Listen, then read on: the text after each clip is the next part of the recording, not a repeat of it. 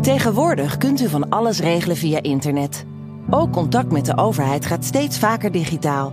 Veel mensen vinden dit lastig en hebben vragen over bijvoorbeeld DigiD, belastingen, toeslagen, werk, uitkering of verkeersboetes. In steeds meer bibliotheken is er een informatiepunt digitale overheid. Hier bent u welkom met vragen over websites van de overheid. Langskomen is gratis, ook als u geen lid bent. Samen komen we verder. Podcast De Biep is Meer gaat op zoek naar de toekomst van openbare bibliotheken en hoe zij bijdragen aan de maatschappelijke uitdagingen van deze tijd. Met nieuws uit de sector, spraakmakende gasten en verrassende thema's word je meegenomen in de wereld van leesbevordering, digitaal burgerschap en participatie. De Biep is Meer is een initiatief van Matt Gubbels die jou wil informeren en inspireren. Hij gelooft in de kracht van podcasting en het verhaal van de bibliotheek. Welkom bij deze aflevering die geheel in het teken staat van de IDO's, de informatiepunten digitale overheid. Want op 14 maart is de grote nationale IDO-dag met een keur aan workshops en evenementen. Ik spreek daarover, maar vooral ook over het opleiden van IDO-medewerkers met Kirsten Sinken. Kirsten, welkom. Dankjewel. Wij zijn oud-collega's uh, bij Cubus. Jij werkt nog steeds bij Cubus, maar je hebt heel veel rollen heb jij hoog te houden, toch? Ja, dat klopt. Ik uh, ben voor komend jaar ben, houd ik mij bezig uh, met het IDO inderdaad. En dat doe ik al sinds 2019 als projectleider deskundigheidsbevordering. En daarnaast heb ik komend jaar uh, nog twee rollen waar, waar ik mij in ga nou, verdiepen. persoonlijke ontwikkeling vanuit de samenwerkende POI's Nederland. En ik hou me ook bezig met het curriculum van de brancheopleiding bij de VOB. Dat is heel wat, maar we gaan het nu hebben over de IDO's. De IDO's zijn hip, ze zijn in, ze zijn hot, ze zijn populair, ze zitten in de lift.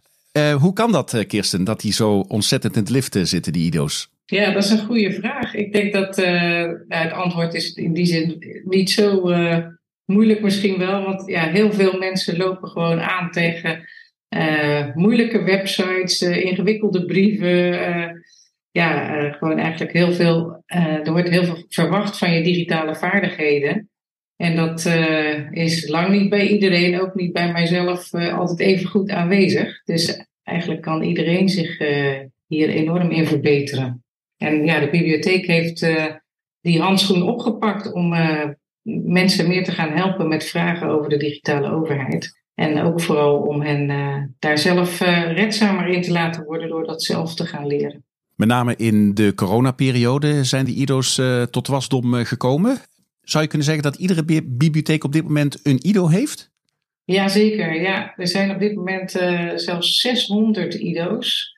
Dus veel meer IDO's dan basisbibliotheken. Maar dat betekent dat er op 600 plekken in Nederland een informatiepunt digitale overheid is. Dus dat, en inmiddels hebben we 70.000 vragen beantwoord vanaf het moment dat de IDO's er zijn. Uh, het merendeel van de vragen, 45.000, hebben we zelfs in uh, eh, 2022 beantwoord. Dus ja, je ziet zeker dat uh, het IDO in de lift zit. Als we het dan toch hebben over de vragen die zo ontzettend veel binnenkomen, wat voor soort vragen komen er dan eigenlijk binnen bij zo'n IDO? Ja, toch heel veel vragen over de DigiD, die dat, uh, tenminste, het onderzoek wat, uh, wat er nu ligt, dat gaat natuurlijk uh, ja, altijd wat verder terug. Dus helaas heb ik niet de meest recente gegevens, maar ik weet dat DigiD nog steeds op één staat. Er wordt ook veel gevraagd gewoon over computers en smartphones, dus over de apparatuur. Over gemeentelijke regelingen komen veel vragen binnen. Over de belastingaangifte, waarmee bibliotheken natuurlijk al langer bezig zijn. Uh, nu recentelijk de energietoeslag is een uh, geliefd onderwerp. En uh, gezondheidsverklaring aanvragen voor je rijbewijs is er ook één. En online bankieren is nu ook coming up. Dus dat zijn de meest voorkomende vragen bij het IDO op dit moment. Wat voor mensen komen er naar het IDO? Is dat jong en oud en alles en iedereen die we maar kunnen bedenken? Ja, je ziet uh, dat de hoofdmoot uh, zo'n 80% is, ja, dat is toch de, de werkende bevolking zou je kunnen zeggen, tussen de 25 en 65 jaar. En een klein gedeelte zijn, zit daarboven, zeg maar nou, rond de 10% is ouder dan 65 jaar. En En dan natuurlijk ook een deel daarvan is echt veel ouder. Uh, wat ik wel opvallend vind is dat er uh, veel meer uh, mensen met een NT1-achtergrond komen dan met een NT2-achtergrond. Dus 64% NT1 en 21% NT2. En er is iets meer bezoek van vrouwen, 48% dan van mannen, 43%. De IDO's die zijn gevestigd in bibliotheken, zei je, maar ook uh, daarbuiten. Uh, hoe zien die IDO's eruit? Zien die allemaal hetzelfde eruit? Je hebt een aantal, uh, in het begin een aantal scenario's eigenlijk bedacht, maar bibliotheken zijn ook wel ja, vrij daarin hoe ze het inrichten, als het maar wel in ieder geval een basis heeft. En de basisformule is dat je in ieder geval een IDO ruimte hebt of een plek of een, het kan ook een balie zijn of een banier met een tafel waar je kunt zitten met, uh, met een klant. En uh, dat verschilt ook nog qua openingstijden. Er zijn ook IDO's, dat is de, de, de formule daarbovenop, die uh, heet altijd beschikbaar. Die dus altijd open zijn en gewoon met, gelijk lopen met de openingstijden van de bibliotheek. En dan heeft het vaak meer de vorm van een lopend IDO. Dus een paar mensen, of het ligt er een beetje aan hoe, hoe groot de bezetting is in de bibliotheek lopen dan rond uh, ja, als, als IDO-medewerker en daar kun je je vragen kwijt. Uh, en dan wordt er wel in de bibliotheek bijvoorbeeld met narrowcasting en met folders aangegeven uh, dat er een IDO is. En de derde vorm, de, ja, de meest brede dienstverlening zou je kunnen zeggen, dat is geen apart punt, maar dan is het ja, IDO sowieso overal in de bibliotheek te bereiken en ook op alle tijden dat de bibliotheek open is. Sterker nog, dan gaat het IDO ook zich wat meer verbreden naar, uh, naar andere onderwerpen en meer in samenhang met andere maatschappelijke organisaties. En dan kom je eigenlijk terecht in uh, ja, een nieuwe formule die, die ook wel het ontwikkelplein wordt genoemd. Dus uh, dat zijn een beetje zo de drie vormen van dienstverlening die ik zou onderscheiden. Maar er zit waarschijnlijk ook nog wel wat tussen. Dus ja, dus dat. Zijn er nog nieuwtjes te melden op het gebied van de IDO's? Uh, nou, ja, wat misschien wel leuk is om te melden, is dat uh, hebben de meeste mensen misschien ook al wel gezien. Dat er weer een nieuwe campagne is gestart. Die is echt net gestart uh, op, op, de televisie. Er zijn vier campagneperiodes. er komt ook een jeugdcampagne nog aan. En de diverse POI's sluiten aan op die landelijke campagne weer met een eigen regionale campagne. Dus dat dat is in ieder geval nieuws. Dan even de rol van de gemeente, want daar is altijd heel veel over te doen. Er is ook een handreiking daarover geschreven door de VNG. Maar is nu voor de IDO's, voor de bibliotheken duidelijk hoe hun verhouding is tot die gemeentes? Is die rol, die regierol, is die nu duidelijk? Um, nou, op papier is uh, volgens mij het best duidelijk hoe, uh, hoe we het willen gaan doen. Dat is uh, in het najaar van vorig jaar steeds duidelijker geworden. Ik moet wel zeggen dat het niet heel snel ging, maar goed, uiteindelijk is de spukregeling rond. En is ook de handreiking door de Kwinkgroep geschreven voor de gemeente. Die zij kunnen gebruiken om de dienstverlening van de IDO's ja, eigenlijk nog beter te borgen en verder te brengen in hun gemeente. En dat kan zijn door ook meer de regierol te pakken, dus door het netwerk meer te gaan verstevigen en groter te maken en meer partijen eraan te verbinden. Maar ook door de rol van bijvoorbeeld als promotor, door er gewoon meer aandacht naartoe te laten gaan eh, binnen de gemeente. Ja, in die handreiking zijn zes rollen beschreven die gemeenten kunnen uh, innemen hier ten aanzien van het IDO. Ja, dat gesprek moet wel vanuit de bibliotheken gevoerd gaan worden met de gemeente. Dus hoe gaan we elkaar versterken? En we hebben daar ook vorig jaar een praatplaat voor ontwikkeld. Dus ik weet dat veel bibliotheken al in gesprek zijn met hun gemeente. Maar ja, dit is natuurlijk een uh, work in progress. Dus, dus je zult dit gewoon verder met elkaar uh, moeten gaan verkennen. En het ja, zo goed mogelijk uh, behouden en uitbreiden in de gemeente. Ja, dus het feit dat de financiering van de IDO's nu via de gemeentes loopt, betekent vooral niet dat je de dialoog met de gemeente niet moet aangaan.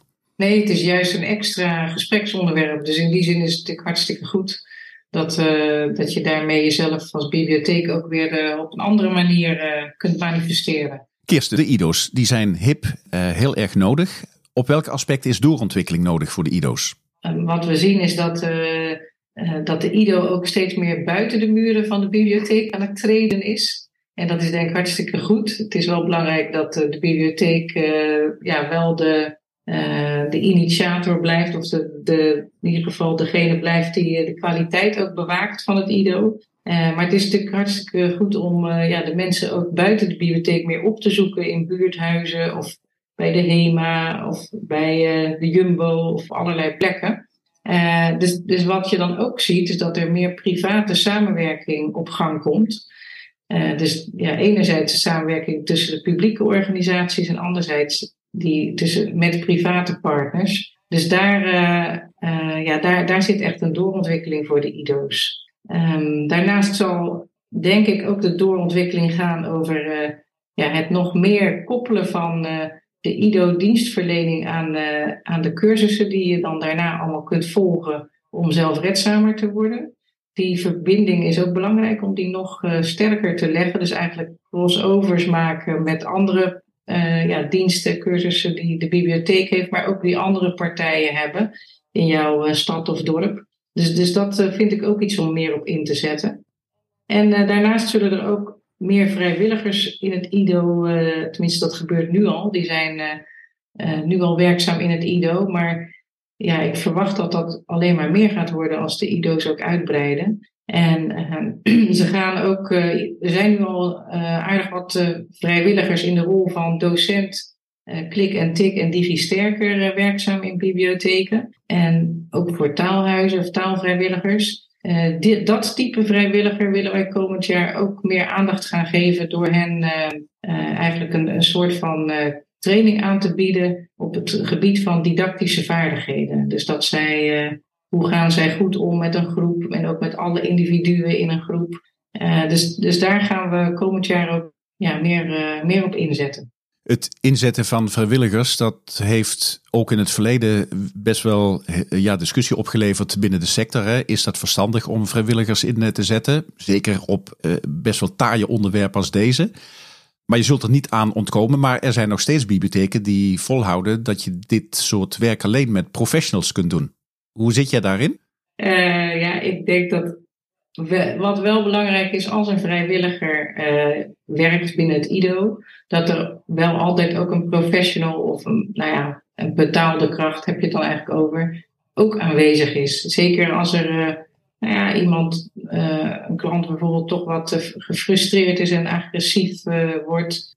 En dan in dat soort situaties denk ik dat het toch altijd goed is dat je met z'n op de vloer staat. Maar uh, te zeggen, dat een vrijwilliger dit werk niet zou kunnen, dat hangt gewoon helemaal van uh, de competenties van die vrijwilliger af. Dus dat, nee, dat, uh, ik denk zeker dat vrijwilligers hier uh, heel veel kunnen betekenen. En dat, ja, dat ze van elkaar kunnen leren. Zowel het, het onderscheid zit eigenlijk niet zozeer in betaald of niet betaald, maar meer in wat voor competenties heeft de een en welke competenties heeft de ander. En hoe trek je samen op. Hebben bibliotheken een werkwijze om vast te stellen of een vrijwilliger op voorhand wel of niet voldoet? Ja, we hebben daar wel een uh, profiel voor gemaakt. Uh, maar je kunt voor een vrijwilliger niet echt een functieprofiel opstellen, maar wel een uh, ja, vrijwilligersprofiel. en dat, dus dat is wel een manier, zeker bij aanname van vrijwilligers, ja, dat, dat je dat wel checkt. dat, ja, dat gaat over. en, en even goed gaan de vrijwilligers ook op training. Dus het is ook niet zo dat ze al meteen alles moeten kunnen. Ze gaan net als de andere medewerkers eh, volgen zij ook het opleidingsplan. Nou, je zei het al, hè? er wordt veel opgeleid. Maar wat moeten medewerkers en vrijwilligers die in dat IDO werken, wat moeten die eigenlijk kennen en wat moeten ze kunnen? Nou, wat ze moeten kennen is uh, een basiskennis eigenlijk van de digitale overheid. Dat is toch wel handig. Maar het is niet nodig dat ze alle websites uit hun hoofd uh, leren. Maar het is wel handig als ze in ieder geval weten als er iemand met de afkorting SVB komt, dat jij dan weet dat dat de Sociale Verzekeringsbank is en dat je dus op die website moet gaan kijken voor uh, meer informatie. Uh, dus daarvoor krijgen zij ook een uh, e-learning die best wel lang is, die ongeveer nou, 10 uur, 10, 10 studiebelastinguren kost. Naast de kennis is het ook belangrijk dat zij uh, vaardigheden ja, beheersen waarmee ze de klant moet kunnen treden. Uh, dat zijn uh, vier vaardigheden. ten eerste is het belangrijk dat ze ja, de klant op zijn gemak stellen. Of op haar gemak stellen. Dat ligt eraan wie er binnenkomt. Vervolgens dat ze de vraag achter de vraag helder krijgen. Ja, dat is ontzettend waardevol als je het gesprek goed kan voeren met iemand. En ja, meestal komen mensen binnen met een brief en weten ze amper wat erin staat. Ja, dan moet je goed kunnen doorvragen om erachter te komen wat het probleem nou eigenlijk is of waar diegene bij gebaat zou zijn. Uh, dus dat is een belangrijke vaardigheid. De derde vaardigheid is dat je ja, toch uh, op internet uh, je goed uit de voeten weet en dat jouw informatievaardigheden goed zijn. Dat je ook geen niet in nepnieuws trapt, zeg maar. Dat is belangrijke. En uh, tenslotte de vierde vaardigheid gaat over doorverwijzen. En dat, dat gaat dan vooral over warm doorverwijzen. Dus dat je een, uh, het gaat erom dat je inschat wat diegene zelf kan. En als je inschat dat hij ja, gewoon eigenlijk vrijwel niet digitaal vaardig is. En je mag zelf ook niet achter de DigiD komen. Dan is het belangrijk om die persoon door te verwijzen naar een organisatie die dat wel kan doen. Maar dat warm doorverwijzen gaat over uh, dat je niet een telefoonnummer aan diegene geeft, maar dat je gezamenlijk een afspraak maakt bij die andere organisatie. Dus dat die, en dat hij ook weet waar dat is. Dus dat hij een beetje aan de hand wordt meegenomen. Dus dat zijn de vier vaardigheden. En tenslotte de attitude. Ja, die is misschien nog wel het meest wezenlijk. Uh, want wij willen heel graag, uh, ja, als, als bibliotheeksector zou ik bijna zeggen, dat iedereen vanuit een soort lerende of coachende houding de mensen opvangt. Dus, dus niet zozeer als hulpverlener. Uh, niet het probleem eigenlijk overnemen en zelf gaan oplossen als, uh, als IDO-medewerker. Maar proberen zoveel mogelijk te kijken of jij samen met, uh, met die klant daaruit kunt komen. En ja, diegene stimuleren en ook het vertrouwen geven om dat vervolgens zelf te gaan leren. Dus dat is een belangrijke attitude en daarnaast spelen ook nog aspecten als assertiviteit en empathie een rol. Dus als je ja, te empathisch bent, dan, dan, dan gaat die persoon misschien niet meer weg. En als je op een gegeven moment, uh, ja, als je te assertief bent, is het helemaal niet prettig natuurlijk. Maar het gaat om die balans tussen assertiviteit en empathie. Uh, waarbij je ja, op enig moment iemand ook weer, dat je ja, het gesprek daarmee moet beëindigen. Nou, mensen moeten dus heel veel kennen en kunnen. Maar wat voor opleidingsaanbod hebben jullie voor medewerkers en vrijwilligers in die IDO's beschikbaar? Ze starten met een e-learning, waar ik het net over had, om die basiskennis uh, uh, alvast te beheersen. Vervolgens worden ze uitgenodigd bij een vaardigheidstraining. En daar hebben we een trainingsacteur bij. Want ze gaan uh, vervolgens ja, verschillende casussen spelen. We hebben een stuk of tien, nee, vijftien casussen waar de trainingsacteur mee uh, oefent. En die gaan over allerlei soorten situaties. Dus van uh, gezondheidsverklaring aanvragen tot uh, iets bij studiefinanciering bij Duo aanvragen. Ja, dat is wel een mooie vorm, want dan op dat moment zit een medewerker voor de groep met een trainingsacteur en speelt hij, dus IDO, de medewerker speelt gewoon zichzelf als IDO-medewerker. En uh, ja, die moet op dat moment alles tegelijk doen. Dus en die klant op zijn gemak stellen en de vraag achter de vraag verhelderen. En op een computer zoeken uh, samen met de klant waar het over gaat. En dan ook nog beslissen of die wel of niet uh, moet doorverwijzen. Nou, dat zijn een heleboel handelingen tegelijkertijd. Plus dat ook nog doen vanuit die attitude waar we het net over hadden. Uh, dus dit is best een heftige training, merken we. En uh, ja, ontzettend waardevol. Eigenlijk, uh, we hebben hem nu, ja, heel veel mensen hebben hem één keer gehad. Maar ja, dit is iets wat je makkelijk twee, drie keer kan doen. Want het is, er zit gewoon ontzettend veel in. En in de praktijk is het vaak nog weer barstiger. Maar goed, in deze training komen we ook al een heleboel issues tegen. Afgelopen jaar hebben we daar twee nieuwe trainingen aan toegevoegd. Eh, de privacy in het IDO-sessie en de à la carte sessie.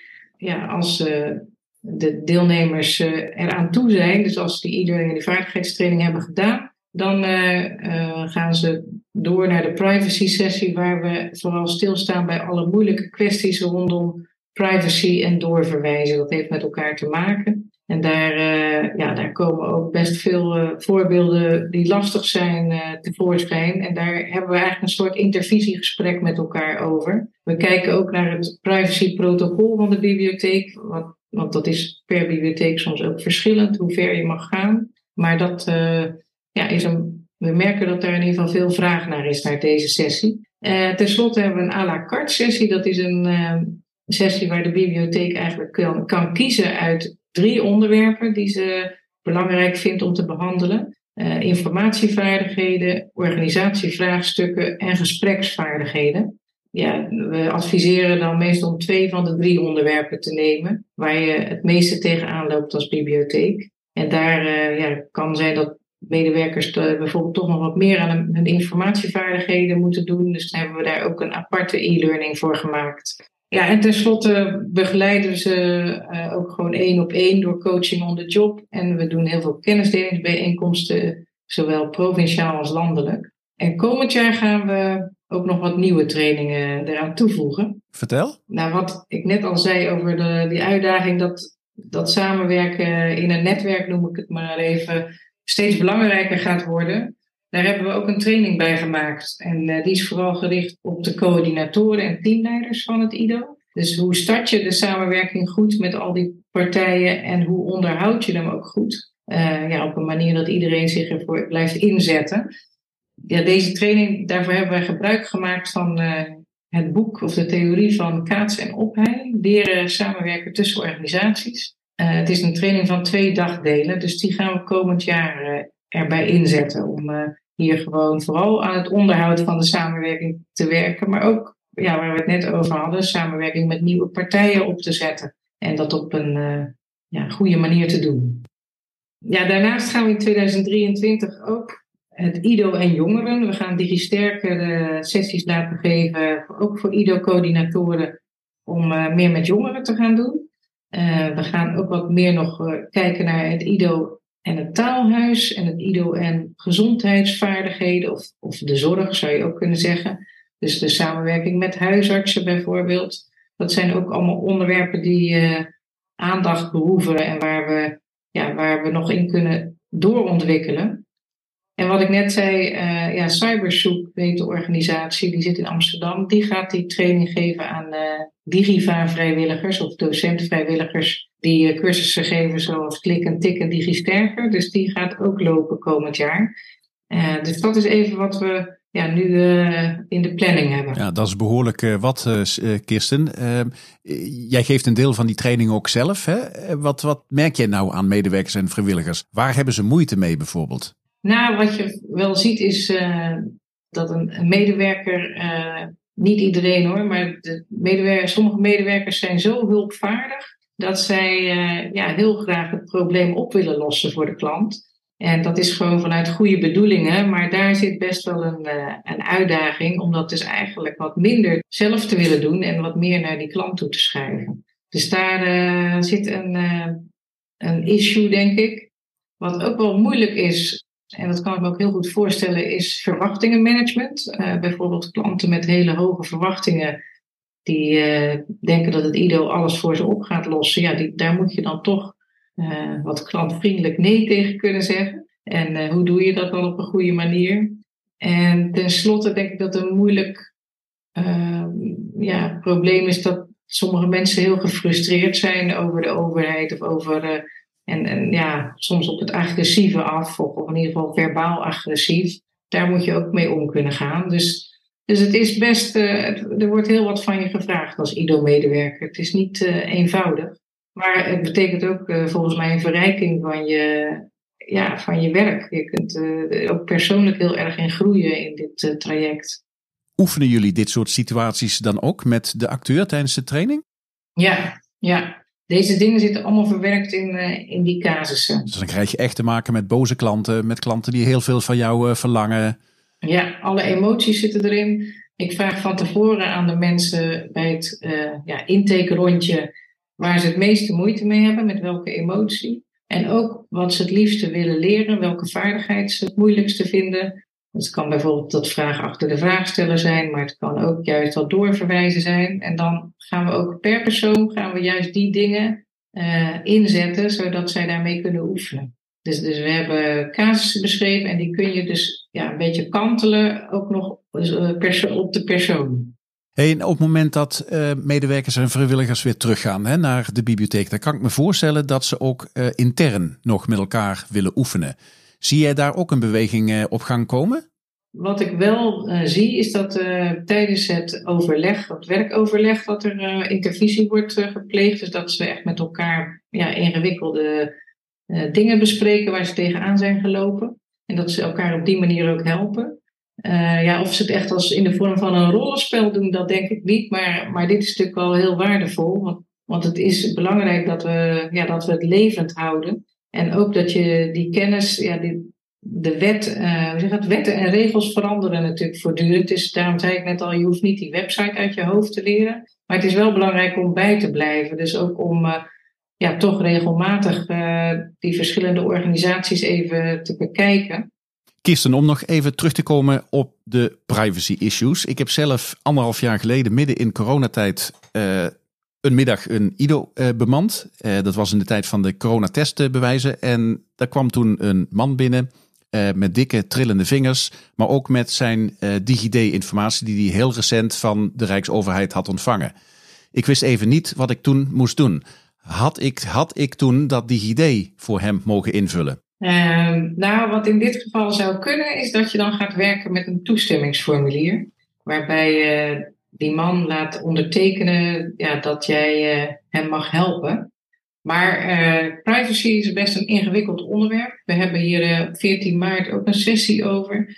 Want ja, er zijn, het is natuurlijk heel juridisch, zit het in elkaar. En je blijft als bibliotheek ja, toch gauw aansprakelijk voor als je de verkeerde handelingen uitvoert. Dus wij zeggen altijd handen op de rug en niet achter de DigiD komen. Dat is eigenlijk, uh, ja, de, de bibliotheek is daar gewoon niet voor in het leven om dat soort hulpverlening te bieden. Dat doen andere organisaties. Dus zodra je daar komt op dat terrein, dan ja, kun je beter warm doorverwijzen naar een andere organisatie die dat wel mag. Heel goed dus om ook op niveau van opleidingen hè, en, en op de IDO-dag uh, ja, meer informatie in te winnen over hoe je als bibliotheek, als medewerker, als vrijwilliger om kunt gaan met dat privacy issue. Want dat blijft een broze scheidslijn. Hè? Waar help je wel en waar mag je het niet? Ja, dat klopt. Ja, ik zou liever hebben dat, dat je iemand, uh, nou ja, dus bij wijze van spreken verder kan helpen. Maar helaas, ja, we hebben in deze samenleving moeten we toch gewoon uh, goed blijven nadenken over wat we wel en niet doen. Nou, we doen heel veel als bibliotheken, als IDO's, maar uh, die websites van die uh, overheden, hè, ehm, gebeurt daar nog iets mee? Vinden daar gesprekken over plaats om die websites ook wat meer kidsproof, Jip Janneke proef te krijgen? ja, dit gesprek voeren we zeker op landelijk niveau binnen de manifestgroep. Uh, en die staan weer in contact met alle uitvoeringsorganisaties van de landelijke overheid. En daar wordt zeker naar gekeken. Uh, in coronatijd uh, werd er niet voor niks elke keer een, werd, die, werd de communicatie getest door een klantenpanel. Maar dat zou veel meer nog mogen wat ons betreft. Want ja, het geldt niet alleen voor websites, maar ook voor brieven natuurlijk. Voor allerlei communicatiemiddelen die echt nog wel veel beter op B1-niveau geschreven kunnen worden. En uh, ja, daar ligt een verantwoordelijkheid aan de kant van de overheid. En ook aan de kant van uh, de gemeente dadelijk, die zich ook mede verantwoordelijk gaan voelen. Uh, denk ik dat het heel goed is als we dat gesprek blijven voeren ja, met alle partijen die bij het IDO betrokken zijn. Om zo ja, simpel mogelijk, maar wel goed effectief te communiceren. In het begin van het gesprek, Kirsten, uh, noemde je een aantal cijfers over aantallen vragen, soorten vragen, hoeveel IDO's er zijn. Nou, ik weet dat dat uh, via de output registratietool allemaal wordt, wordt geregistreerd. Um, ik weet dat er nog geen cijfers zijn over of alles wat we doen, of dat ook echt helpt in het zelfredzamer krijgen van burgers. Maar valt er wel iets over te zeggen? Heb je het gevoel dat mensen ook echt, als ze bij een IDO meerdere keren zijn geweest, ook echt zelf verder kunnen? Ja, ik heb wel het idee dat, eh, hoe zeg je dat, dat je eigenlijk uh, met het antwoord op deze vraag eigenlijk nooit fout zou kunnen zitten. Het, is, het draagt altijd bij. Alles wat de IDO-medewerkers doen, al is het alleen maar een klant op zijn gemak stellen, is al uh, winst.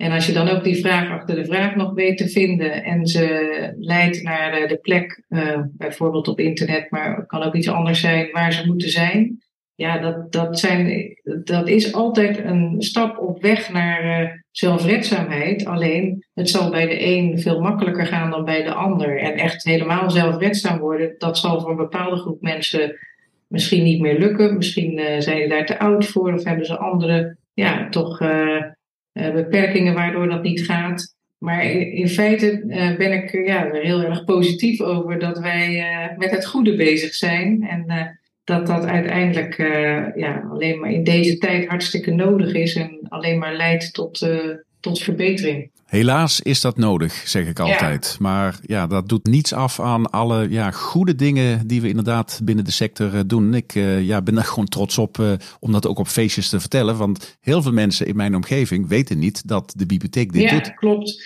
Nou ja, en wat ik ook een, echt een hele grote kans vind, is dat wij uh, dat IDO is, is één ding, maar we kunnen dit ook gewoon verder doortrekken naar persoonlijke ontwikkeling überhaupt van mensen. Dus uh, binnen de bibliotheek kunnen we die crossovers mooi leggen en uh, mensen überhaupt stimuleren om zich verder te ontwikkelen op wat voor terrein dan ook. En ja, daar zijn we volgens mij wel voor in het leven. Dus dat, dat klopt heel mooi bij elkaar. Ja, en daarmee krijgt eigenlijk een leven lang leren weer een hele bijzondere invulling. Precies, ja. Nou, dan de Nationale Ido-dag, 14 maart. Dan gaat het gebeuren. Je vertelde me dat er uh, rond de 300 uh, mensen uh, kunnen komen. Wat kunnen we verwachten van die dag? Ja, het wordt een wervelende dag met de plenaire enthousiaste start. Met een heleboel verschillende sprekers. ook veel mensen uit het veld. En we hebben maar liefst 20 inspiratiesessies over diverse actuele onderwerpen. de dag is wel vooral gericht op de IDO-coördinatoren en teamleiders. En, ja, en ook wel een aantal IDO-medewerkers. Maar we hebben vooral deze doelgroep nu voor ogen. En uh, ja, er is van alles uh, te beleven volgens mij. dus ik verheug me er erg op. Ja, je noemde al de sessie over privacy. wat voor andere sessies zijn er nog waarvan je nu al kunt zeggen, nou die zijn zo populair. Als je daar nog aan wilt meedoen, dan moet je nu gaan inschrijven. Ja, ik denk dat die sessie over de handreiking voor gemeenten, waar wij het net over hadden, van de Kwinkgroep ook een populaire sessie zal worden.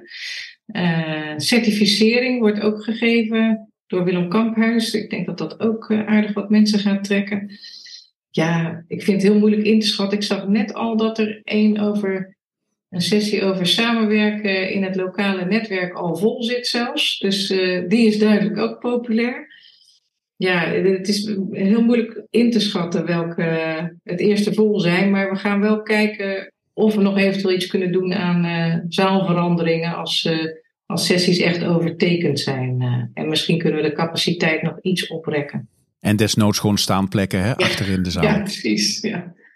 Kirsten, van welke sessie verwacht jij persoonlijk het meest? Als je vanuit jouw opleidingsperspectief kijkt. Ja, ik ben al heel erg blij, uh, want Stephanie Verhagen van de KB en ik zelf zijn nu uh, drie maanden bezig om deze nationale dag vorm te geven. Dus wij zijn ontzettend blij met de grote variatie aan onderwerpen die zich heeft aangediend en waar mensen sessies uh, over komen geven. Dus daar ben ik het meest blij mee. Maar ik dacht wel, op een gegeven moment kwam er één voorbij. En toen dacht ik, oh, dit is wel heel erg uh, leuk hoe ze dit hebben aangepakt. Uh, Bibliotheek Oostland heeft een uh, IDO-informatiewaaier vormgegeven. En daarin, daarbij, met het maken van die waaier hebben ze alle IDO-medewerkers betrokken. het is een soort sociale kaart eigenlijk, zou je kunnen zeggen. Dus op elk stukje van de waaier staat een andere doorverwijsorganisatie. En daarbij staat ook nog vermeld welk cursusaanbod uh, je vanuit de, de erbij kunt uh, vermelden richting de klant. En ja, het, het, proces van dat je dat samen met elkaar maakt, zo'n waaier, is al heel erg goed. En vervolgens dat je ook die crossover maakt naar ander aanbod. dus ik ben heel benieuwd naar deze sessie. Nou, dankjewel Kirsten. En ja, kom allemaal dus op 14 maart naar de Nationale IDO-dag. En hopelijk ontmoeten we elkaar dan. Zeker. Bedankt voor het luisteren naar deze aflevering van De Biep is Meer. Heb je zelf een mooi verhaal om te vertellen? Neem dan contact op via info.onderzoekmeteffect.nl. De Biep is Meer is een initiatief van Matt Gubbels. Hij gelooft in de kracht van podcasting en het verhaal van de bibliotheek. Graag tot een volgende keer.